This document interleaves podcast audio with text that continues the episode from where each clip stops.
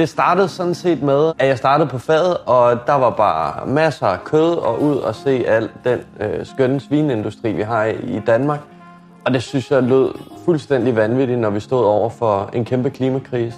Og på et tidspunkt, så, øh, så tænker jeg, at, at øh, jeg virkelig også ville kunne rykke noget, hvis jeg tog den her dagsorden med ind i universitetsbestyrelsen. Mit navn er Anders Mortensen. Øh, jeg læser på Frederiksberg Campus, og jeg læser til mejeriingeniør. Og så sidder jeg i universitetsbestyrelsen. Universitetsbestyrelsen er vigtig af to årsager. Det er også der sætter en strategisk retning. Det er sådan noget som klima, det er sådan noget som bæredygtighed. Øh, men det kan også være vores trivselskrise, vi står i. Og så er det også noget som bygningsmasse, som øh, hænger os alle sammen langt ud af halsen. Men som I ved, så har vi den sporbyggeri, der er gået voldsomt over budget, som vi også skal håndtere. Så det er de her sådan utrolig overordnede ting, men som bare er mega vigtige.